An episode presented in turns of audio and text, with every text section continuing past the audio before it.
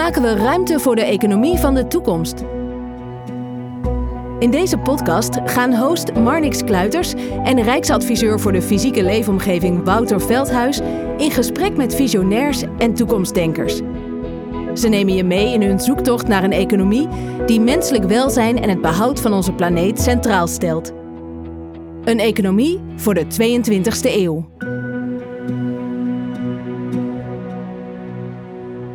Een economie voor de 22e eeuw. Dat klinkt nog heel ver weg, maar de keuzes die we vandaag de dag maken hebben zeker wel impact over hoe de economie er over een kleine 80 jaar uitziet. Een van de grote topics die vandaag de dag speelt is de energietransitie. Ik ga er vandaag over in gesprek met energie-expert Letitia Ouillet. Welkom Letitia. Dankjewel. Maar allereerst, 80 jaar klinkt natuurlijk heel ver weg. Uh, maar als we teruggaan naar 80 jaar geleden, dan zien we natuurlijk ook dat allerlei zaken die we rond die tijd hebben geregeld, uh, nog steeds impact hebben op de manier hoe we onze samenleving vandaag de dag georganiseerd hebben. Wouter Veldhuis, jij bent uh, Rijksadviseur over de fysieke leefomgeving. Kun je ons wat meer vertellen over wat er destijds aan beslissingen genomen is, ja, waarvan we nog steeds de impact merken? Ja, nou, we vergeten dingen snel, maar ruim 80 jaar geleden wisten we eigenlijk nog niet dat we een gasbel zouden vinden. Maar tien jaar later, dus ongeveer 70 jaar geleden, um, werd, uh, werd, gas ontdekt. En uh, toen hadden we eigenlijk een economie die volledig draaide op uh, kolen. Dus we hadden een hele welvarende mijnregio waar ja, de Nederlandse economie op draaide.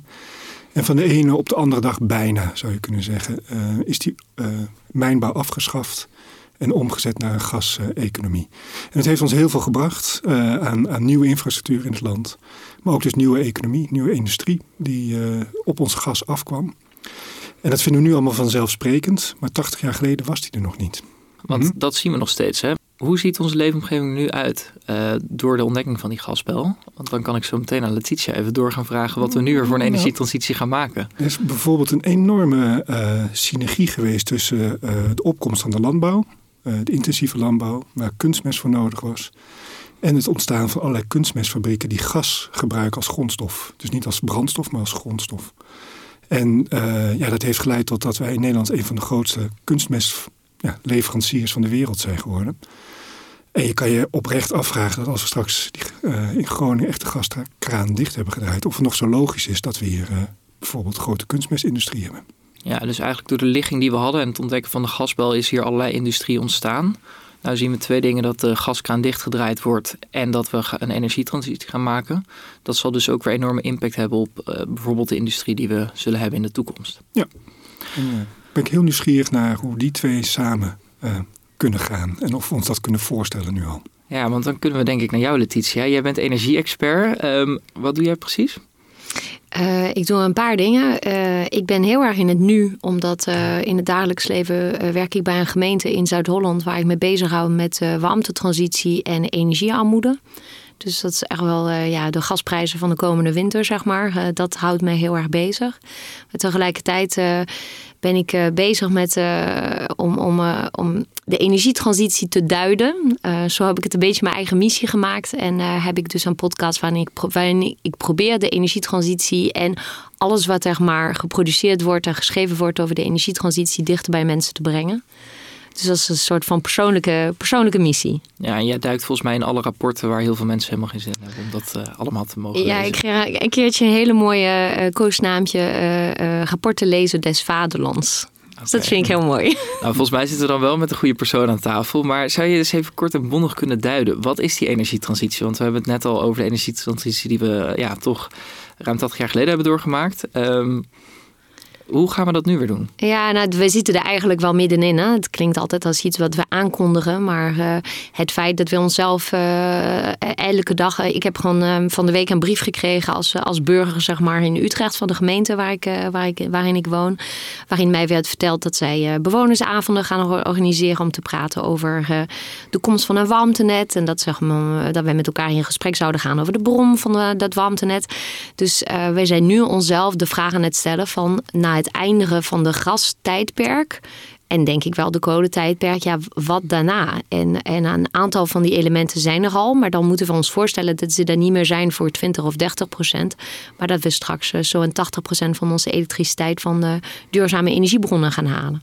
Dus de transitie, dat is eigenlijk wel de, hele periode waarin wij nog best wel leunen op, uh, op fossiel, maar al wel uh, genoeg tekenen aan de wand hebben dat, dat wij deze tijdperk aan het verlaten zijn. Ja, nou is de 22e eeuw denk ik heel ver weg. Zeker als je over een transitie praat. Dat gaat om decennia. Wat zie je een beetje voor de transitie die we nu gaan doormaken? Want dat is ook... Um, ja, we hebben natuurlijk die fossiele brandstoffen ontdekt. Enorme bron aan uh, goedkope energie. Ik geloof dat Wouter van Dieren die meeschreef aan het rapport van de Club van Rome... het wel eens heeft genoemd alsof je een soort bonnetjes uit de grond trekt. Um, het is nogal een wijziging om naar totaal andere uh, energiebronnen op, over te stappen. Ja, en dat is wel wat, uh, wat Wouter net zei. zei. Hij zei van de tijd van het ontdekken van de gasbelt, het was een tijd van welvaart. En uh, dus wij associëren heel erg de jaren tussen de jaren 60 en de jaren, nou, zeg maar begin 2000. Daar waren jaren van, van welvaart en van uh, Nederland werd steeds meer af, zou ik zeggen. Dus echt helemaal afgebouwd en netjes en grote wegen en grote infrastructuur. En wat nu vervelend is aan deze fase van de energietransitie, is dat het heel erg geassocieerd wordt met aan moeten en dwingen. En het volgende is schaarste. En schaarste is iets wat, wat niemand leuk vindt. En je leest elke dag in de krant van MKB in Limburg kan nu niet uh, groeien of kan nu niet verduurzamen door gebrek aan infrastructuur. Uh, industrie vraagt zich af of ze niet moeten afschalen. geen ruimte voor woningbouw. Dus wij zitten heel erg in een, in een fase van schaarste en dat, dat, is een, is gewoon een vervelende groeifase. Ja, want is die fase van schaarste dan tijdelijk en waar komt dat door? Want um, we moeten inderdaad natuurlijk ergens vanaf en het alternatief is nog volop in ontwikkeling, op zijn minst. Uh, maar er is ook heel veel ruimte voor nodig, denk ik. Ja, we zitten in een fase waar we alles hebben. Uh, of zeg maar, we hebben bijna alles nog van de, van de gas- en de kolentijdperk. En de kolenstralers hebben ons uh, afgelopen winter best wel gered, zeg maar. Die moesten weer plots weer aan. we hebben nog heel veel gas nodig. We hebben zelfs tijdens de crisis afgelopen, afgelopen herfst een LNG-terminal erbij gebouwd. Dus dat dus dat heb je aan de ene kant. En aan de andere kant uh, moet je ruimte maken voor extreem veel duurzame energie. En het vervelende aan duurzame energie is dat het gewoon veel ruimte in beslag neemt. Ja. Um, kijk, de, de gasinfrastructuur en de, de, de, de energie zoals we hem kenden tot, tot begin 2000, uh, 2000, dat was een super efficiënt georganiseerd geheel. Je had gewoon een kolenstralen, nou, het is gewoon een lelijk bakken ergens. En dat heeft natuurlijk wel consequenties voor de omgeving, et cetera, et cetera. Maar het is best wel een beperkte footprint van hoeveel ruimte je daarvoor nodig hebt. Um, het is bij een haven, het is gewoon heel logisch, de industrie zit ernaast. Maar als je nou gaat kijken naar duurzame energie, dan moet je gaan kijken naar uh, waar heeft het het meest, minste impact. Uh, niet te dicht op de weg, niet te dicht op de vaarweg, niet te dicht op een vooralgebied. En dan uh, zonne-energie neemt hectares in beslag. Um, en dan heb je ook nog het feit dat het gewoon niet de hele tijd draait en aanwezig is. En dat je dus daardoor ook nog opslagtechnologie daarnaast moet zetten.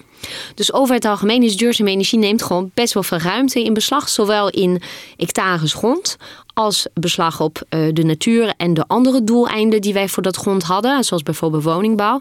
Maar wat je ook nog hebt is dat het een beslag heeft op de infrastructuur. Omdat de infrastructuur van elektriciteit was er altijd om uh, op een efficiënte manier elektriciteit te brengen naar de vraag van elektriciteit op het moment dat hij het nodig had. Dus niet op het moment dat de elektriciteitscentrale dacht van zo, dat is een goed moment om te draaien.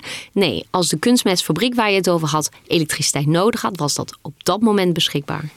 en zo is het ingericht. Dat zijn de grote voordelen natuurlijk ook van fossiele brandstoffen. Hè? Dat is ook die vergelijking met bourbonnetjes die ik net uh, maakte, die van Wouter van Dieren komt. Um, tegelijkertijd, je zegt enorme periode van welvaart doorgemaakt. Zijn we gewend geraakt aan een bepaalde hoeveelheid energie? Daar willen we naartoe. Is dat mogelijk? Want je hebt het ook al over schaarste. Ja, kijk, het probleem ook, en eh, dat moeten we absoluut wel noemen, anders eh, is het de eerste kritiek die je op deze podcast gaat krijgen, is natuurlijk dat welvaart heeft een hele tijd bepaalde externaliteiten niet ingeprijsd. Dus het was natuurlijk wel, het klinkt als, als uh, de gouden tijden. Uh, maar wij hebben natuurlijk wel uh, met al het verbranden van fossiel onszelf gebracht in de situatie waar wij nu vandaag de dag in zitten met de gevolgen van klimaatverandering. Dus het is wel met een prijs gekomen. Ja, de, we hebben een beetje op de pof geleefd. Hè? En je weet natuurlijk dat Ja. Als je op de pof leeft, komt ooit de rekening. Ja, en de rekening die komt nu. Dus dat, dat, dat is even de kanttekening bij dat welvaart. Anders uh, klinkt het alsof ik zelf heel erg terug uh, verlang naar, naar die tijd. Um, ik zeg zelf, ik ben zelf stewardess geweest. Dat weten heel veel mensen niet. Ik ben uh, ook een kind van twee mensen die steward en stewardess waren. Dus ik heb echt de carbon footprint van heb je mij daar. Maar al die tijd wisten wij het niet ik ging met mijn ouders gewoon naar Zuid-Afrika vliegen op een vrije dag. Omdat ik drie dagen geen school had. En ik, wij wisten die tijd niet wat we aan het doen waren, zeg was, maar. was zonder vliegschaamte. Zonder enkele vliegschaamte. Dus ik, ik mag de les ook, vind ik, nu aan mijn kinderen niet lezen. Maar, um, dus dat is even de vraag over de welvaart. Jij vraagt mij nu van, gaan wij terug naar overvloed en, en welvaart? Ik geloof het wel. Ik geloof wel dat de aanpassing ongelooflijk pijnlijk gaat zijn. Um, je had het over bepaalde industrie die we naar ons toegetrokken hebben. Dat industrie heeft geleid tot werkgelegenheid dat uh, toeleveranciersketens, uh, die dus leven van dezelfde industrie. Ik bedoel, je hebt een, uh, je hebt een zo'n, ehm, de hele olieproducent, niet producent van, die hebben wij in Nederland niet zoveel olieproductie, maar ik bedoel meer van het omzetten van, van olie in, in allerlei producten. Ja, we hebben ook een bepaalde kennis opgebouwd, lijkt me. We hebben die, kennis opgebouwd. We hebben infrastructuur daaromheen gebouwd. We hebben ongelooflijk veel mensen die compressoren aan die industrie leveren, et cetera. Dus echt een hele economie daaromheen gebouwd. En en al die mensen, dat zijn mensen met huizen, hypotheken en gezinnen. Um, dus als je nu, hè, dat, dat, dat, zeg ik gewoon heel vaak, van als je nu uh, aan een schoorsteen uh, van een industrie en zegt van ja, Shell moet weg of, of Dow moet weg of weet ik wat, dan moet je wel bedenken van dat dit consequentie heeft voor die mensen die in die banen daar zitten. En dan hoor ik heel vaak mensen zeggen van ja, maar dat worden groene banen en we gaan naar een groene economie met groene banen. Maar ik kan me voorstellen dat als je al 35 jaar bij Tata werkt en dat je al 35 jaar hetzelfde doet, dat je je heel moeilijk kan voorstellen dat je gewoon over drie weken op een dak gaat klimmen om zonnepanelen te monteren. Uh, dus voor mensen moet er wel zo'n perspectief zijn van hoe ziet dan die toekomst eruit. Uh, die, die groeipijnen die, die zie ik heel erg voor uh, wat betreft werkgelegenheid. En hiernaast hebben wij dat we nu wel kunnen hebben besloten van wij hebben grootschalige elektriciteitsinfrastructuur nodig of opslag nodig of elektrolyse. Dat is echt heel erg de hebben ding nu. We moeten snel elektrolyse hebben om elektriciteit in waterstof om te zetten. Maar A, de technologie moet er zijn. B, de technologie moet er zijn op schaal en tegen acceptabele kosten. Van iemand moet de rekening betalen. En drie, het duurt heel erg lang om dit soort dingen te bouwen. Ik las um, in, een van de, in het uh, rapport van PBL, die heeft een appreciatie gedaan van waar de klimaatfonds middelen aan besteed zullen gaan worden. En die hebben gezegd, je moet bijvoorbeeld, als je Tata Steel nu zou ombouwen naar een duurzame Tata Steel, alleen al 100 vergunningen aanvragen. Dus dat is ook iets wat een doorlooptijd kent, waar het weer tegen de grenzen aanloopt van een omgevingsdienst die niet genoeg mensen heeft, et cetera, et cetera. Dus wij willen het nu, maar het is moeilijk acceptabel dat sommige dingen misschien twee, drie, vijf of tien jaar nodig gaan hebben. Ja, nou heb je het tegelijkertijd over een, een periode van schaarste en dat jij denkt dat het misschien toch wel een tussenperiode is, dat we ooit weer naar overvloed gaan. Over welke tijdschalen praten we dan? Ja, ik, wat jammer is, is dat heel veel van de doelen zijn op 2030 uh, eh, geënt. Hè. Dus, dus we hebben in 2030 is echt een soort van deadline in ons hoofd uh, gegeven. Ik heb de laatste tijd heel erg uh, ben ik gedoken in de technologie van elektrolyse. Om te kijken van ja, wat zou je daar... Hè, want, elektrolyse is heel belangrijk, omdat we dan van de elektriciteit ook grondstoffen kunnen dan gaan maken. En dat is de holy grail natuurlijk, waar we met z'n allen naartoe willen. Um, ik denk dat je meer rond 2040, 2045, dat je al deze technologie echt op schaal gaat hebben. En dat is natuurlijk niet zonder consequentie wat ik zeg. Van het allerliefst had ik het morgen. Uh, want zolang je niks op echt grote schaal hebt. Kijk, uh, wind offshore beginnen we echt op schaal te krijgen. Maar zolang je niks aan, aan opslag en omzetting op, of, of elektrificering van de vraag bij de industrie op schaal hebt, dan zal je gewoon die gascentrales en die kolencentrales nodig blijven hebben. Ja, dus jij denkt wel dat het een tussenperiode is waar we ons nu in zitten, maar je ziet wel een duurzame toekomst weggelegd waarin we echt wel weer ook richting ja, de welvaart van voor 2000 dan in ieder geval die koers op kunnen. Dat het uh, echt wel weer eh, beter wordt. Alleen dat we wel in de tussentijd een hobbelig pad misschien doorgaan. Ja, ik, dat is in ieder geval wel de hoop waarmee ik elke ochtend wel wakker word. Want anders zou je gewoon in deze sector niet meer werkzaam zijn. Dan werk je een beetje aan een lost coast. Maar um, waar ik me wel heel veel zorgen maak, is van, oké, dat 2030, dat, dat, dat, dat, was, dat is te dichtbij. Dat is ook voor mensen heel eng. Hè? En dat merk ik ook wel bij het landen van zo'n brief in de wijk. De brief waar ik het over had. Ik breng het weer heel erg dichtbij. Nou, en dan zie je, eh, we gaan tot 2026 geloof ik nadenken over de bron. En dan heeft u tot 2032. Voor mensen is dit best wel nu de vraag. Ga ik mijn cw-ketel vervangen als die kapot gaat? De ja of de nee? Dus de 2030 komt nu echt heel erg in de, in de planningshorizon, zeg maar. Hè? Um, als je het nou hebt over 2040, dan geef je mensen iets meer lucht. Maar tegelijkertijd, het lijkt op lucht, maar het is helemaal geen lucht. Van de uitdaging wordt er niet minder om. Alleen je moet gewoon tegen mensen zeggen van we gaan nu heel hard aan de slag. We gaan nu heel veel mensen aannemen op verschillende plekken. We gaan nu heel veel infrastructuur in de rond uh, proppen. En daar hebben jullie pas de, de vruchten van in 2040. Maar zoals Extension Rebellion heel duidelijk zegt, let op, klimaatverandering is nu gaande. Verlies van biodiversiteit is nu gaande. En eigenlijk gaat de, de, de, de maatschappij accepteren dat het behalen van de doelen niet in 2030 komt, maar in 2040. Is dit dan acceptabel? Ja, soort van truth, waarheid. En zo nee, in welke onwrichting ga je dan komen? En die onwrichting, dat is iets waar ik gewoon mij heel erg bang voor maak voor de komende vijf à tien jaar. Ja, dat is wel interessant. Wil jij hierop inhaken, Wouter?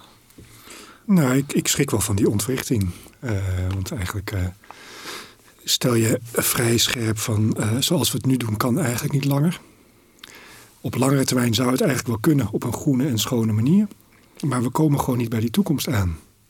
Dus, ehm, en dan kom ik toch weer terug, hoe ging dat dan 60, 70 jaar geleden? Daar is natuurlijk ook letterlijk de stekker uh, in de mijnstreken uitgetrokken. En het heeft wel 40 jaar ellende uh, opgeleverd in die regio.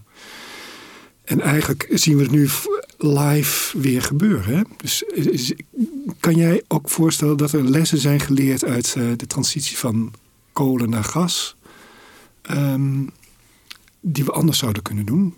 Nou, ik heb um, ooit naar een podcast geluisterd met uh, Mohamed Shahim van, de, van de PvdA, die uh, in het Europese parlement zit. En die komt uit, uit Limburg en die vertelt ook over de consequenties die het sluiten van de mijnen in Limburg heeft gehad voor de bevolking daar. Um, ik denk dat in de transitie van kolen naar gas, dat uh, de ellende die het teweeg gebracht heeft in zowel Limburg als in Groningen, dat het heel lang voor ons een soort van verborgen iets is gebleven. En um, kijk, in Limburg, dat was helemaal niet in het tijdperk van social media en het verspreiden van allerlei ellendige verha persoonlijke verhalen van mensen. Dus dat is iets wat niet in een collectieve geheugen uh, geschrift is. Um, Groningen is heel oncomfortabel. Want Groningen gebeurt gewoon voor ons neus nu. Uh, de, de, de, debatten, de, de, de, de, de ellende, de, de scheuren in de huizen. Dat, dat kan je gewoon elke dag op Twitter en op Facebook zien. En dan is het heel erg ingewikkeld om nog voor jezelf te bepleiten dat je vindt dat het Groningenveld open moet blijven. Want de, de, de consequenties zijn nu heel erg zichtbaar. Um, hebben wij daarvan geleerd? Ik denk dat wij, wat wij vooral geleerd hebben, is een soort van enorme angst. Um, want uh, nu heb je het gevoel, kijk, ik bouw in mijn vrije tijd, hè, um, bouw ik windmolens met een energiecoöperatie. En uh, wat je merkt, dat zijn gewoon heel vaak kleine parken van twee à drie windmolens. Nou, ik noem het klein in de schaal van de energietransitie. Als je er tegenaan woont of tegen, uh, tegenover woont en je kijkt er tegenaan, dan is het voor je gewoon een grote park. Maar als ik zie hoe de lage overheden en de en Rijkswaterstaat en Tennet en, en de omgevingsdienst, hoe iedereen elkaar de bal soort van toespeelt als een soort van hot potato.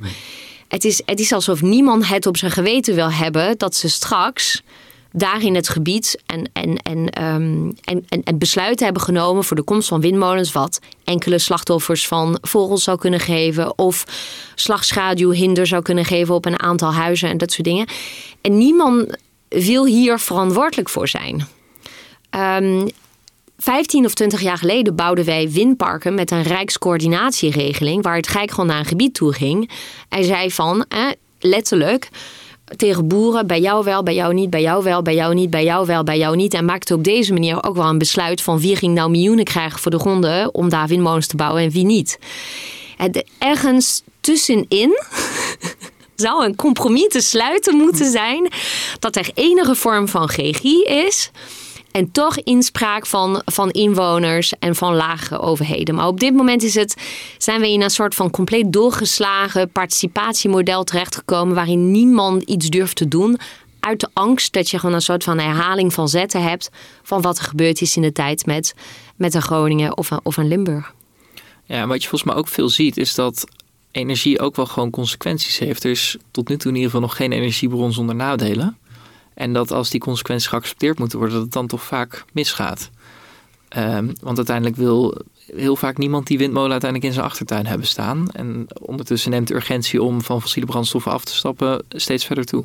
Ja, ja er was laatst een uh, fantastisch uh, filmpje gemaakt over wat gebeurt er als je de, M eh, MBO'ers in deze maatschappij zou verliezen. Ik weet niet of jullie die gezien hebben. Het was op LinkedIn verspreid. En dan was het een soort van, een soort van maatschappij, zeg maar. En dan zag je gewoon alles wat gewoon uit elkaar ging vallen als je gewoon geen MBO'ers meer in de maatschappij zou hebben. Van, van, van je kop koffie wat in je handen gewoon verdwijnt tot aan een stuk wat gewoon uit de muur valt en dat soort dingen. En soms zou ik willen dat je gewoon mensen nog een keer gewoon goed uitlegt wat de consequentie is van het niet hebben van energie. Energie is gewoon is een absolute primaire behoefte, net als water. Um, en, en soms heb je het gevoel van ja, we willen heel veel niet. Maar het besef dat wij toch iets gaan moeten willen, dat, dat wil maar niet landen bij mensen. Ja, en ik denk wel dat er steeds meer regie dan genomen wordt. We zien in ieder geval wel allerlei ontwikkelingen. Er wordt veel geld geïnvesteerd. Als we het nou hebben over infrastructuur, je hebt het al over projecten die ja, jaren lopen. Um, we hadden het net over um, ja, dat de, de, impact van uh, 60 tot 80 jaar geleden nog steeds te zien is vandaag de dag. Wat voor infrastructuur zijn we dan nu aan het aanleggen? Um, en met hoe ons land er ook anders uit gaat zien. Wat je zeg maar niet uh, een jaar later weer afbreekt. Nee, nou, we zijn hele grote verbindingen voor elektriciteit aan het aanleggen. Sowieso de stopcontacten op zee, zoals het heet. Dat is dat, uh, dat infrastructuur op zee om de, om de wind offshore gewoon aan land te krijgen.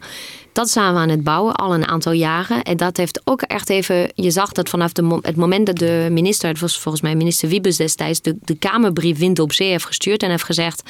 Nou, de markt moet zorgen voor de windmolens. Ik zorg voor de infrastructuur. Dat dit eigenlijk de trigger is geweest van... hè, hè, oké... Hier zitten we in samen. De overheid gewoon really means business. Dus wij gaan nu ook gewoon, gewoon aan de slag. We weten zeker dat die infrastructuur er komt. En we weten dat de overheid tot aan de nek erin zit. Dus weet je, dit, dit, is echt. Um, dus dat is een hele belangrijke trigger geweest. En op zee wordt onwijs veel geïnvesteerd. En worden de deadlines gewoon voor het aansluiten van windparken ook gehaald. Omdat anders allerlei boetes aan hangen. Dus dat, daar is echt onwijs veel gaande. Um, wat je ook veel ziet, is dat er gewoon sprake uh, is van, ja, maar we moeten ook gewoon de interne verbindingen versterken dan wel gewoon verzwagen. Je hebt een paar uh, belangrijke verbindingen tussen. Kijk, je bent nu straks wind offshore nou, dat land aan in Zeeland of de, bij de Maasvlakte of het land aan bij, uh, bij Groningen. Maar ja, goed, Gemmelot, dat zit nou net niet aan zee. Dus dat moet je gewoon even naar het zuiden toe brengen. Ja, dat is wel interessant, hè? want Gemmelot is weer ontstaan op basis van de mijnbouw die daar vroeger zat, denk ik. Hè? Ja, maar hij heeft zichzelf wel hervonden hè, met, met andere type productie en producten. Um, maar goed, ja, je, je stelt nu wel, denk ik, een, nou, je stelt hem niet, maar ik hoor hem wel. een belangrijke vraag. Van, ja, wat zou dat dan betekenen als dit gewoon bijvoorbeeld weg zou vallen in een nieuwe economie? Ja, ik ben geen specialist, maar ik ga ervan uit dat het gewoon echt best wel een gram zou zijn voor uh, de provincie Limburg. Um, en voor de werkgelegenheid. En uh, het heeft natuurlijk wel, kijk, alle kunstmest, wat gewoon ook op Gemmelot wordt gemaakt, is dan weer ook een hele belangrijk product voor de productie van voedsel in uh, derde landen. Nu kan je je wel afvragen van ja, je zou dus, ook de kunstmest daar kunnen produceren. Dat is een vervolgvraag.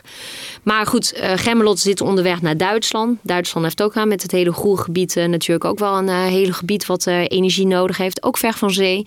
Dus wat je eigenlijk wel ziet is dat we gewoon steeds meer aan het nadenken zijn van die, die assen van Noord-Zuid en West-Zuid. Van hoe brengen we nou de elektriciteit naar, naar het zuiden en naar, naar Duitsland toe. Dat is een belangrijke investering. Er is uh, niet zo heel lang geleden door Tenet een, uh, ja, een hele mooie pamflet, noem ik het. Ik wil het geen rapport noemen, maar het soort van pamflet waarin ze hebben laten zien van ja, hoe de elektriciteitsnet van de toekomst eruit ziet met grote DC-verbindingen, direct, uh, direct current. Ik um, ben geen expert. Er zijn wel experts, maar ik ben geen expert. Maar de, die zeggen van nou, op deze manier zou je zonder al te veel verlies gewoon stroom kunnen, kunnen transporteren. Een tweede hele belangrijke infrastructuur die we aanleggen is uh, de waterstofbackbone. Nog, maar nog heel even over die wind. Hè? Want ehm, je had het net over je hobby. Ik vind het een vrij zakelijke hobby om windmolens... Um, ik ben een coöperatie, dan ben je een vrijwilliger. Ja, maar ik vind het toch interessant. Uh, maar dan heb je het over wind op land. Ja. Um, hoe is de verhouding tussen wind op zee en wind op land? Want onze Noordzee gaat er wel radicaal anders uitzien, denk ik. Hè? Ja, Nee, de Noordzee, dat is echt een, dat is een uh, grote, ik noem het uh, de publieke werken, zeg maar, van dat boek. Uh, dat is gewoon een groot, grootschalig project. windpark op zee tegenwoordig is, is, wordt niet gebouwd onder de gigawatt. Dus dat zijn gewoon echt duizenden megawatt projecten. Er zijn gewoon echt hele grote centrales op zee wat je aan het bouwen bent. Waar ook nog gewoon steeds meer gewoon gekeken wordt naar de combinatie met um, waterstofproductie op zee. Dus dat je niet alles als elektriciteit aan land brengt, maar dat je het ter plekke omzet in waterstof zodat je dat via bijvoorbeeld oude bestaande gasleidingen die je een beetje weer eh, uppimp, dat je dat eh, aan land brengt als waterstof. Kan je makkelijker opslaan, kan je gelijk eh, gebruiken in de industrie. En wat je ook ziet op de Noordzee is dat wij gewoon heel erg met de Denen, de Duitsers, de Engelsen tot tot zekere hoogte de Belgen en de Fransen aan het werken zijn om te kijken van ja, we delen een stukje zee en hoe kunnen we daarvoor zorgen dat we die gewoon de Franse trouwens net niet. Maar goed, uh, hoe kunnen we ervoor zorgen dat wij bijvoorbeeld een soort van een ringnet maken, zodat als het even minder wijd of even minder elektriciteit nodig is in Nederland, dat het wel bijvoorbeeld naar Denemarken of naar Duitsland kan. Dus we zijn daar zijn we echt gewoon goed bezig. Wind op land, um, ja wind is, is, um, is toch wel een beetje een lappendeken. Want het zijn kleinere parken over het algemeen. En het zijn op plekken waarvan in de, uh, nu de regionale energiestrategie... waarvan men heeft gevonden dat dat wel kon. Hè. Dus er is echt naar het gebied gekeken. Ja, waar, waar, waar zouden wij nog die windmolens nog een plekje willen geven? Het is een beetje behelpen. Want uh, het is op land heel druk op land hebben wij uh, grote infrastructuur. Wij hebben de kabels voor elektriciteit. Wij hebben in de grond uh, gasleidingen. Wij hebben uh, helikopterroutes. we hebben Schiphol. We hebben Lelystad Airport, wat er nog niet is, maar misschien dat ooit gaat komen. Dus je moet met zoveel parameters rekening houden. Dat, dat je, we zijn nu twee windmolens aan het bouwen in Vlaardingen. En ik ben echt onwijs trots op. Maar het is natuurlijk gewoon echt een mier uh, op het schaal van de energietransitie. Alleen wat wel mooi is aan wind op land, is dat het in combinatie met de enorme groei aan zonne op land een mooie aanvullende combinatie maakt, waardoor je het netwerk nuttiger kan gebruiken dan wanneer je een zonnepark aanlegt, daar een kabel naartoe trekt en duizend van de 8000 uren per jaar productie gaat draaien. Dus dat is gewoon een mooie combinatie en netbeheerders zijn daar best wel gelukkig mee, bij de combinatie met wind op land.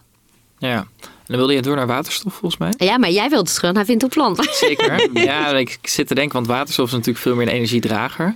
Uh, kernenergie sla je nu nog even over. Dat heeft volgens mij ook wel een impact op de dat infrastructuur. Dat was mijn nummer drie. Oh, nummer drie. Nou, laten we dan doorgaan met waterstof hier. Nou, waterstof, je zegt het is een energiedrager, maar het is uh, daadwerkelijk een, uh, een belangrijk onderdeel van de energietransitie. En dat is misschien wel wat mij er is een hele tijd geweest, en ik denk tot 2020, 2021, als we spraken over de energietransitie, ging het altijd over het vervangen van onze aardgasgebruik voor, um, uh, voor uh, duurzame bronnen, bijvoorbeeld groen gas of zo.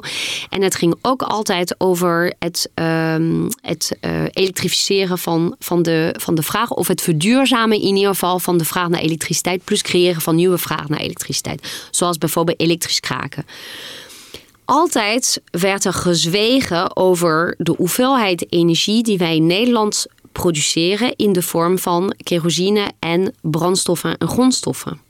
Die naar de industrie of naar de transportsector gaan. Dus het was altijd, als je keek naar CO2-plaatjes, leek het altijd alsof het gewoon best wel gewoon te behalen was met een beetje wind, nou, een beetje veel wind en zon. En dan was je er. Maar elke, schip, ja, elke vliegtuig die op Schiphol landt en die Nederlandse kerosine tankt, dat is natuurlijk ook wel gewoon CO2 wat de lucht ingaat, hè? linksom of rechtsom. Dus je merkt dat er um, sinds 2022 aan de komst van Jette, dat er echt wel een soort van omslag is naar de energietransitie is meer dan duurzame elektriciteit. Ja, nou. want eh, niet alles valt te elektrificeren. Elektrificeren is heel mooi. We gaan bijvoorbeeld uh, niet meer autorijden op benzine, maar op elektriciteit. En de elektriciteitsvraag neemt ook enorm toe. Ja. Maar je hebt voor andere dingen niet alleen elektronen, maar nog steeds moleculen nodig. Moleculen en, en, uh, en uh, koolstof heb je ook nodig. De C'tjes en de H'tjes noemen ze dat in de industrie. Uh, want je moet zaken ook aan elkaar binden. Maar wat je merkt is dat de industrie heel erg heeft gezegd: Nou, weet je, we gebruiken nu waterstof. Maar we zien ook wel dat er best wel veel grijze waterstof, maar dat er best wel veel processen zijn waar we ook gewoon groene waterstof zouden kunnen gebruiken. Niet ter vervanging van grijs, wel ter vervanging van grijs, maar hiernaast ook nieuwe activiteiten. Ze noemen dat de hard-to-abate sector of hard-to-electrify. Dus dat betekent, ja, elektriciteit ligt niet voorhanden. En, um, en uh, vervolgens heb je ook dus al die brandstoffen en grondstoffen die wij nu gebruiken, dat je die het allerliefst zou willen maken op basis van elektriciteit. En daarvoor heb je dus een energiedrager nodig van de elektriciteit. Wat je al zei, kan je niet als elektriciteit gebruiken, dus moet je omzetten. Nou, waterstof lijkt het makkelijkste om te doen, maar je kan het ook omzetten in mierenzuur, in uh, methanol, in ethanol. Je kan er allerlei andere producten van maken doet er nu niet toe. Maar dat omzetting en dat transporteren en opslaat van wat je omgezet hebt, dat is cruciaal. En daarvoor wordt op dit moment in Nederland een, een waterstof backbone ontwikkeld. Eigenlijk een beetje hetzelfde als wat we ooit hebben gedaan met de gasbel waar we het over hadden, dat er ooit een hele gasnet is ontwikkeld. Zijn we nu bezig om op het hoogste niveau een backbone aan te leggen, een soort van snelweg Um, en waterstofopslag te realiseren. Van waterstof kan je niet zomaar even onder een huis een klein containertje zetten. Het is toch wel een beetje vies spul. Kan zo makkelijk uh, branden en ontploffen. En, je, en het staat op druk. Dus je wil het gewoon kunnen opslaan in bijvoorbeeld zoutcavernes. Ja, en dat is denk ik ook wel weer redelijk uh, bepaald geografisch. Die ga je niet opnieuw Mega. maken. het is echt heel vervelend. Het kan echt alleen maar in de buurt van Groningen. En daar uh, stiep je weer aan volgende punten aan. Van als je als Groninger net dat hele uh, debakel rondom de scheuren in de huizen... en het hele debat daaromheen hebt gehad. En je gaat nu een nieuwe debat aan waarin je zegt van... wat we nu gebruiken als zoutcavernes... gaan we nu waterstof in, in proppen die wij onttrekken op momenten dat we het nodig hebben... kan ik mij voorstellen dat de lokale bevolking hier ook het nodige van vindt. Eh, ik denk het wel, maar goed. Um, laten we misschien ook nog even doorgaan naar uh, kernenergie. Kernenergie? Nou, dat wil je weten. nou ja, ik denk als je dus uh, energie ophaalt uit wind en zon, waarbij het nadeel is dat ze ja, beschikbaar zijn op het moment dat de zon schijnt of de wind waait. Je kan het dan omzetten naar waterstof. We hebben waterstof dus ook nodig voor allerlei processen in de industrie. Of voor sommige mobiliteit, als je het hebt over vliegen.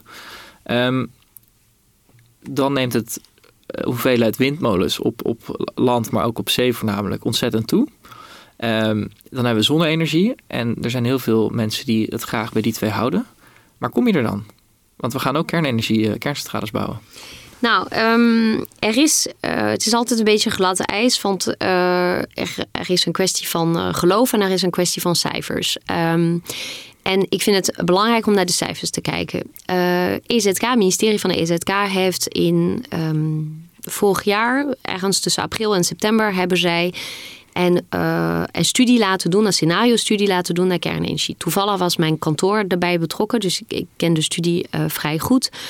Um, en de conclusie uit de studie was, eigenlijk was de vraag van ja, zou je gewoon een energiesysteem kunnen draaien zonder kernenergie? De ja of de nee. En het antwoord was heel simpel: ja. Maar dan waren er vervolgvragen als: wat zou de impact zijn van kernenergie op systeemkosten? Wat zou de impact zijn van kernenergie op uh, grondstofzekerheid? Uh, dus dat je niet alles uit het buitenland hoeft te halen.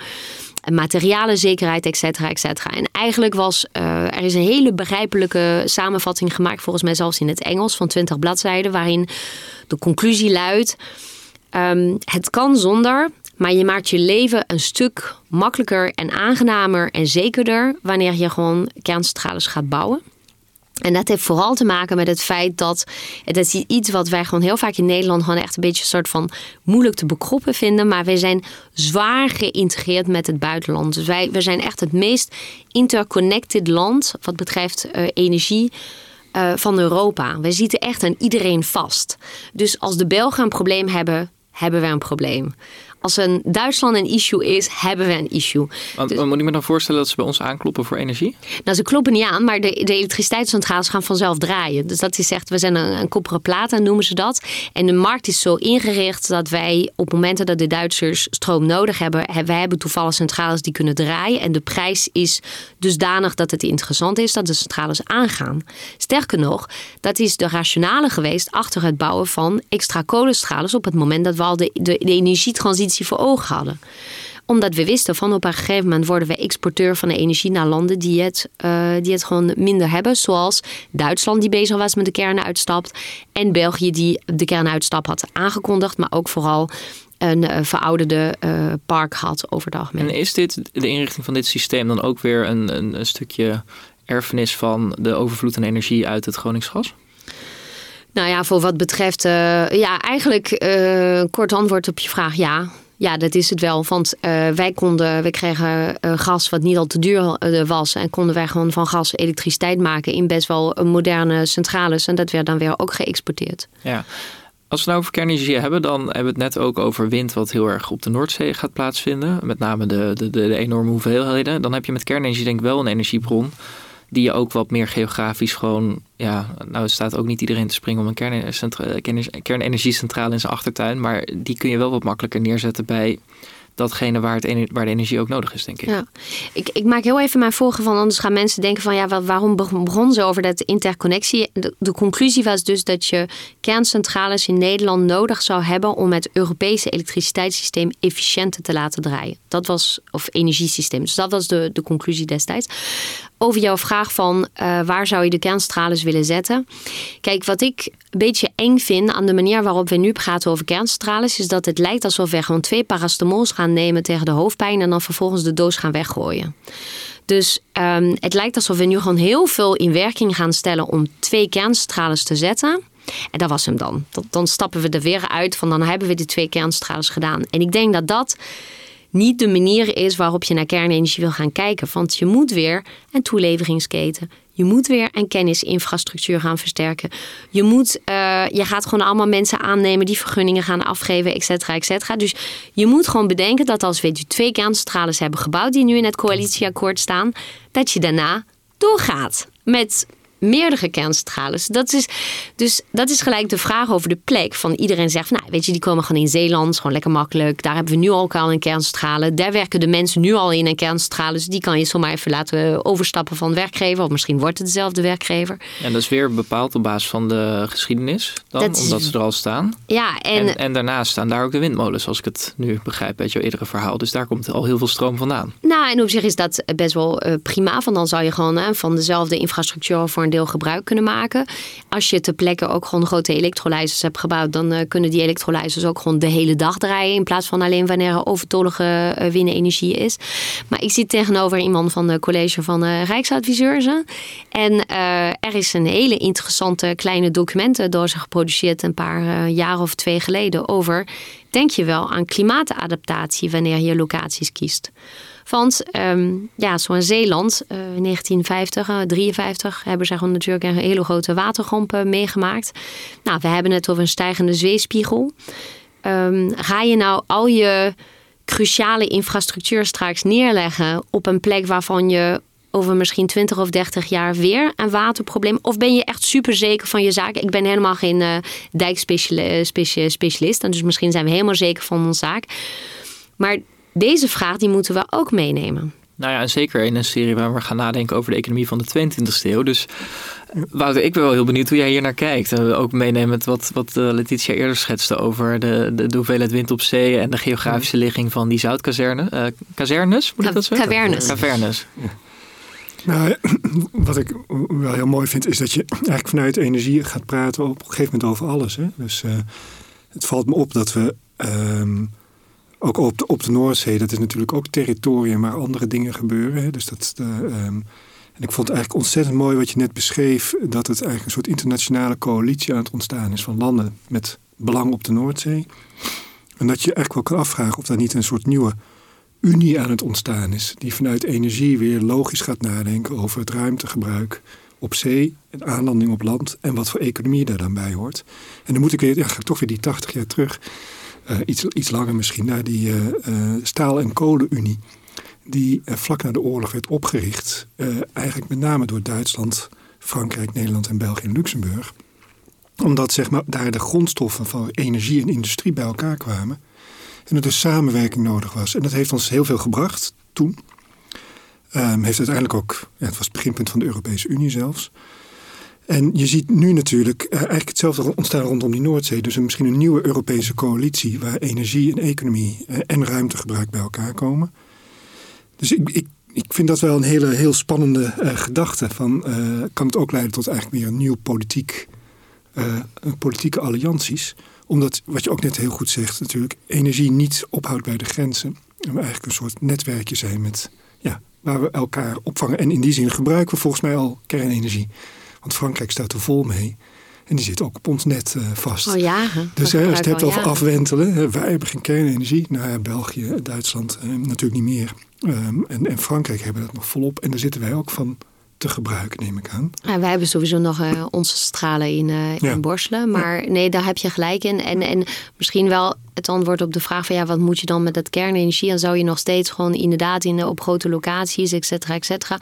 Nou, wat je ziet is dat er steeds meer kennis begint te komen en technologie zich ontwikkelt rondom SMR's, Small uh, Modular Reactors. Dat zijn kleinere units tussen de, nou, wat is het, 20 en 200 megawatt. En die zou je gewoon prima kunnen plaatsen direct waar de stroom nodig is, dus bij de industrie. Maar dat is een nieuwe technologie. Het is heel onduidelijk wanneer het gewoon precies in de markt komt. Hebben we het nou over 2035 of 2040? Komt het in die frame waar ik het net over had aan het begin? Of is het nog langere termijn? En als je het helemaal hebt over 2100 of 21, hoe zei je dat? Ja, 2100. Ja, dan is kernfusie er.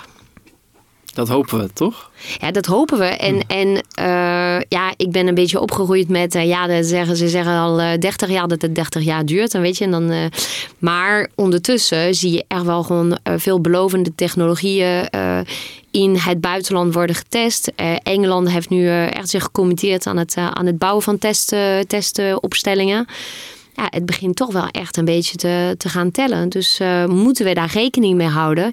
En in dat geval zijn we dan misschien infrastructuur aan het bouwen die over de langere termijn niet meer nodig is. Dus dat, dat zijn weer keuzes. En ik, ik vind ook omdat wij gezegd hebben dat energie zo verschrikkelijk belangrijk is en een levensbehoefte is, vind ik dat je heel moeilijk op dat moment gewoon kan gaan rokken. Ja, en dat is wel interessant, want ik wilde ook nog even door naar de industrie. En eh, jij schetst die dynamieken wel heel interessant uh, met, uh, met terug naar of dat we nu in een periode van schaarste komen en daarvoor uit een periode van enorme welvaart en groei. En dat we misschien ooit weer die heilige graal, want dat is kernfusie denk ik ook wel een beetje, want dat is best wel duurzame energie met weinig neveneffecten, denk ik. Ja. Um, maar tegelijkertijd zien we ook dat de industrie in Nederland, die dus ook opgetuigd is vanwege het energieoverschot door de gasbel, hier opgetuigd is ik heb wel eens begrepen dat als we Tata zouden willen verduurzamen, dat je meer um, windmolens nodig hebt dan er nu staan op de Noordzee. Um, is dat dan haalbaar om alle industrie hier te houden? Of moeten we daar toch ook gewoon goed over na gaan denken wat we wel willen hebben en wat niet?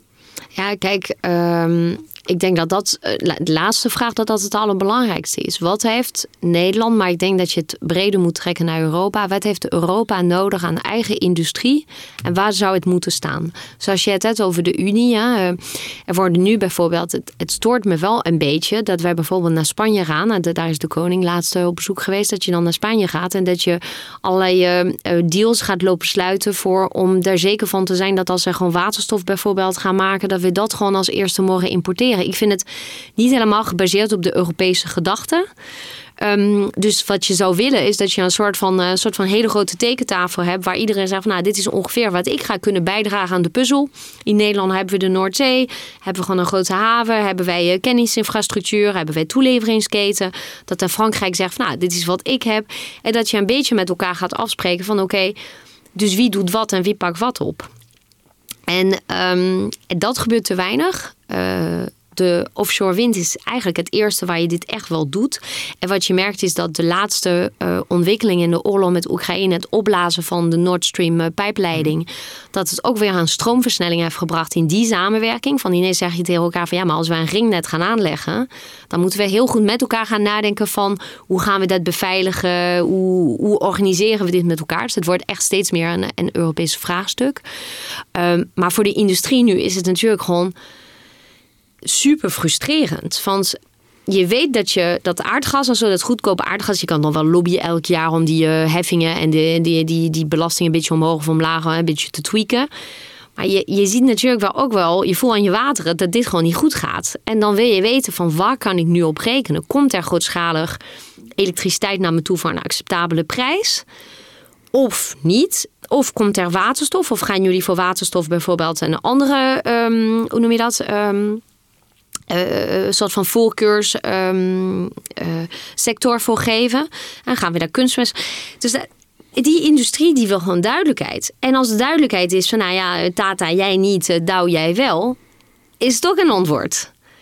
Maar nu zitten wij heel erg met, nou, er moet niet een centjes te veel subsidie er naartoe. Van ze moeten het ook uit zichzelf willen. Je moet op een gegeven moment ook keuzes gaan maken. Van wat ik vertelde, waarom is wind offshore gaan vliegen? Omdat het Rijk gewoon heeft gezegd, wij gaan nu als ondernemer samen met Tennet een stopcontact op zee aanleggen. Dit gaan we doen. Als morgen gewoon de overheid zegt dat tegen Tata, en dat is waar ze nu allemaal mee bezig zijn met die maatwerkafspraken. We gaan nu een, uh, een uh, verbinding voor jou aanleggen met uh, zoveel kW elektriciteit. Je krijgt waterstof, je krijgt de CO2. Dan weet Tata waar ze aan toe zijn. Zolang je zegt van nou, eerst jij en dan ik en dan kijken wij het is gewoon, wij zitten gewoon zo. Ja, volgens mij zitten we echt al drie jaar of vier jaar na te denken over de industrie zonder dat ik echt gewoon stappen zie. En kun jij vanuit jouw expertise in energie en alles wat je verteld hebt zeggen waarvan je denkt, nou, dit lijkt me nou wel handig om te behouden en dit niet? Want we spelen natuurlijk ook nog met dat vraagstuk. Je kunt het allemaal wegsturen. Als de vraag hetzelfde blijft, dan eh, zit het probleem natuurlijk ergens anders. Nou kun je je voorstellen dat als je misschien staal laat maken in de Sahara, waar mega veel zonne-energie gemaakt kan worden, dat dat misschien wel veel efficiënter is. Tegelijkertijd, als je vervolgens weer in energieoverschot komt of in overvloed, ja, moeten we dan wel alle industrie het land uitgejaagd hebben voor die tijd? Ja, en, en hier raak je, je zei, uh, Wouter zei net van energie is tegenwoordig gaat over alles. En dat is natuurlijk wel het super gevaar van als je energie-expert bent, dan ben je niet gewoon per se gelijk een poly uh, en uh, hoe noem je dat zo een alle politieke verhoudingen over en weer geopolitieke expert. Dat ben ik dus niet. En um, wanneer je morgen zou zeggen van we hoeven geen staal meer in Nederland te maken, dan accepteer je ook dat je dat ergens anders gaat moeten maken en dat je dus afhankelijk gaat worden van eh, dat de andere overheid wat gewoon, je zet het in de Sahara. Nou, het is gewoon helemaal de vraag of ze het niet dan aan de Chinezen gaan verkopen in plaats van aan ons. Um, alle keuzes die je nu maakt om iets niet meer te maken. Kijk, een van de industrie waarvan ik mij echt oprecht afvraag van heeft dit hier nog een toekomst? Dat is alles wat raffinaderij is. A, omdat we gewoon dus allemaal elektrisch gaan rijden, als het goed is. Hè? Ja, want dan praat je over het maken van... Het kraken van olieproducten en het maken van geraffineerde olieproducten. Dus gewoon benzine, ja. Eh, et cetera. Nou, je zou kunnen zeggen, stel dat uh, op termijn dat dit gewoon allemaal gebeurt op basis van waterstof. Dan vind ik het wel heel gek als je zegt, oké, we gaan eerst zon of wind produceren in Dubai. Dan wordt het te plekke omgezet in, in, uh, in uh, waterstof. De waterstof wordt te plekke omgezet in ammoniak, omdat waterstof heel moeilijk te transporteren is. is heel volumineus. Dan brengen we het gewoon naar de haven van Rotterdam. In de haven van Rotterdam van, van de ammoniak weer waterstof gemaakt. En dat gaan we dan vervolgens transformeren in producten die wij in Nederland gaan kunnen gebruiken voor bijvoorbeeld mobiliteitsdoeleinden voelt heel gek. Het klinkt tamelijk omslachtig. Nou, het klinkt omslachtig en je kan je echt afvragen: ja, is dit er wel waar we naartoe willen? Aan die andere kant, um, wij hebben ook gezien dat de prijs van, van diesel en, en van benzine, zo, dat het ook natuurlijk heel erg impact onze economie en onze welvaart. Um, dus wil je straks afhankelijk zijn van Qatar en van Dubai, ik noem maar wat, of Saudi-Arabië, dat, zijn we al, daar komen we uit, zeg maar, die afhankelijkheid. En dat je die afhankelijkheid verlengt, maar je zegt, nou, we gaan nu niet meer olie van jullie importeren, maar we gaan vanaf nu uh, uh, ammoniak importeren uit die landen. Dus dat, je kan je echt, kijk, een, een druppeltje olie had heel veel meer energieinhoud dan een druppeltje of een, een, een, een pufje waterstof straks. Dus nu was het best wel efficiënt te doen. Je importeerde iets wat super energierijk was. En je ging het gewoon kraken en, en raffineren, raffineren in, in, uh, in Nederland. Maar straks heb je die, die winst niet meer. Je importeert niet iets wat super energiedens is. Dus dat is gewoon wel een vraag die mij gewoon best wel bezighoudt. Dat ik denk van nou, zou je dat dan niet daar willen doen? Maar aan die andere kant heb je dan gelijk dat je daar van die landen dan enorm afhankelijk gaat worden. Ja. Maar betekent dit dat, dat eigenlijk de ketens heel anders georganiseerd gaan worden met nieuwe energiesystemen? Sowieso. En terwijl we nu proberen volgens mij eigenlijk de bestaande ketens overeind te houden, de bestaande relaties geopolitiek overeind te houden. Waarmee je eigenlijk ook je, ja, ons land is natuurlijk gebaseerd op een delta en grote havens. Dat je ziet dat Amsterdam en Rotterdam allebei veel, ja, veel olie, oliehandel en brandstoffenhandel doen. En eigenlijk nu alles op alles zetten om dat duurzaam te krijgen. In plaats van te bedenken dat die ketens heel anders georganiseerd gaan worden. En je dus ook moet afvragen of een groot deel van die havens nog nodig is in de toekomst. Ja, maar dat is het mooie van als je kijkt naar, hij zijn nou op um, ehm, AT&T en dat is dat Amerikaanse telecombedrijf. Ja, vooral in de jaren zeventig hebben ze heel veel filmpjes gemaakt over hoe ziet 2000 eruit en zo. Wat je ziet, wij zijn niet in staat om een toekomst te schetsen voor onszelf waar we niet. Ze hadden toen bijvoorbeeld dat je dan online kon shoppen, maar dan wel met een draadje tussen de telefoon en de, eh, zeg maar, die dan aan de muur hingen. En dat merk ik nu ook in de energietransitie. Het vervangen van iets wat we al hebben door iets wat duurzaam is, dat snapt iedereen. Zodra je zegt van ah nee, we gaan er anders mee om, of we gaan onze, ons gebruik bijvoorbeeld, ons gebruik van elektriciteit ook aan huis gaan we gewoon bijvoorbeeld spiegelen aan hoe uh, de weersomstandigheden zijn. Dan ben je ineens gewoon heel erg iets kapot aan het maken wat we in ons hoofd hebben. De, het energiesysteem, de economie, mijn huis. Ik heb dat helemaal in mijn hoofd nu. En als je zegt, nou wat grijs is, wordt groen, denk ik, oh nee, dit, dit, dit, kan ik. Maar als je zegt, nee, maar dan ga je wassen wanneer, dan wordt het gewoon voor mij heel ingewikkeld. En je merkt dat dat, dat plaatje kleuren, dat lukt gewoon bijna niemand. Ja, er is heel veel verbeeldingskracht denk ik ook voor nodig. Hè? Want we gaan van A naar B, maar we weten in heel veel gevallen nog helemaal niet hoe B eruit ziet. Ja, en, en we hebben ons jarenlang, is de, is de narrative ook rondom de energietransitie geweest. Het is nu grijs en vies en weet ik wat. En het wordt straks groen en goedkoop en hetzelfde. Ja, wie wil dat niet? Gratis bier. Weet je, maar wanneer je nu zegt van uh, ja, nou, het is, dit hadden wij en we krijgen daar iets voor terug wat misschien wel er anders uitziet. En we gaan anders met elkaar om, anders energie aan elkaar leveren. De ketens zijn anders. De, ja, dan, dan haakt iedereen af omdat het gewoon eng en onbekend is.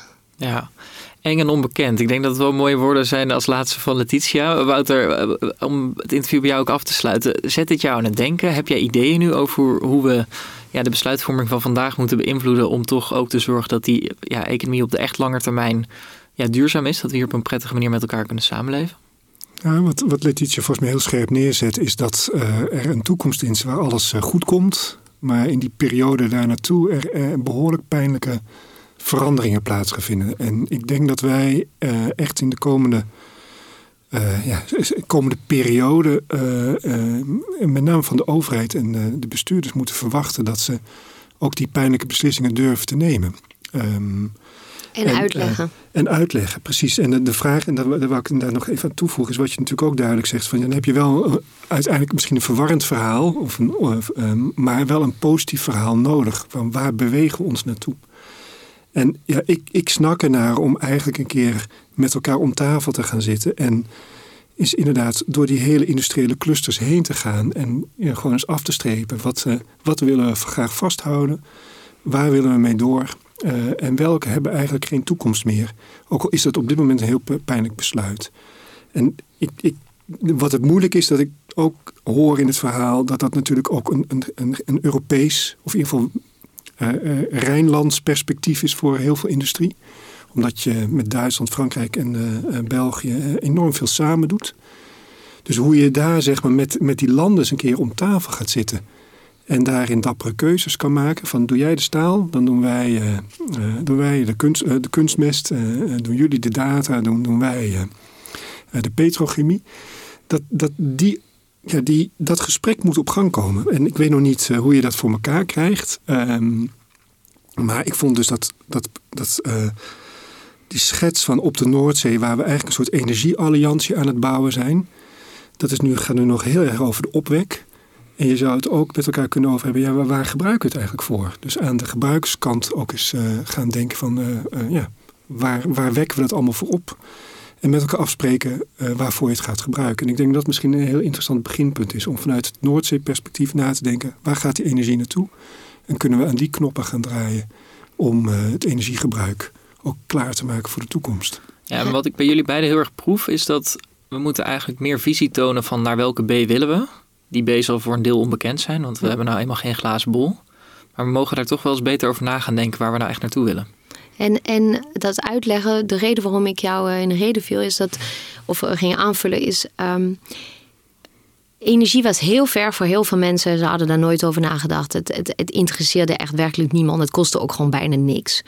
En tegenwoordig in het debat is het de industrie, de boeren, de huishoudens. En ik heb echt behoefte aan een, al is het maar vijf minuten of tien minuten minder praatprogramma per avond. Maar dat je gewoon een keertje iemand hebt die gaat naar een MKB'er in Limburg die wil elektrificeren. En die legt uit waarom hij nu een aansluiting nodig heeft. Je gaat daarna bij de industrie een keertje kijken wat doet data precies. En waar zit nog aardgas of kolen in. Je gaat een keertje kijken bij een windproducent. Dus dat je, dat je een soort van verhaallijn gaat beginnen te schetsen. Zodat het voor mensen gewoon tastbaar is. Van, wij zeggen de industrie moet uit Nederland. En dan denken ze in hun hoofd de Shell-bonussen gaan weg. Maar dan bedenken ze niet, dat zijn ook de banen bij, eh, in Zeeland, dat zijn ook de banen in Limburg, et cetera, et cetera. Of de zesde cluster, zoals we het noemen, de, dus een beetje tussen MKB en grote industrie in. Dat zijn ook allemaal producten die jullie en ik uh, gebruiken. En ik, ik heb echt, ik, ik voel dat er iets voor de, voor de publieke omroep is om hier een soort van serie van te maken, waarin je gewoon even gewoon heel simpel uitlegt hoe het werkt en wat energie voor ons is. Ja, mooi. Dat is mijn pleidooi. denk een mooie afsluiting. Wil je daar nog iets aan toevoegen, Wouter? Nee, ik, ik, ik, uh, ik, ik merk zelf dat het bij mij ook zo werkt. En ik denk dat uh, door dat dus goed af te pellen van wat, wat gebeurt er eigenlijk in al die fabrieken. Waterverbruik is bijvoorbeeld ook zoiets. Uh, ja. Enorm. is het ons dat waard? En dat kan je eigenlijk alleen maar doen door gewoon eens inderdaad per casus echt op een hele toegankelijke manier in beeld te brengen. Wat gebeurt er? En wat hebben we eraan? En ik denk, ja, ik vind het idee van Letitia om een soort publieksprogramma industrie. Kent u dat ook? Um, en dan uh, op bezoek gaan. Uh, ontzettend interessant model is om daar meer, met elkaar meer van te snappen. Nou, hopen dat er iemand van de NPO luistert. Dank voor jullie tijd, allebei. Een economie voor de 22e eeuw is een podcast van het College van Rijksadviseurs. Zoek ons op in je favoriete podcast-app of kijk op collegevanrijksadviseurs.nl.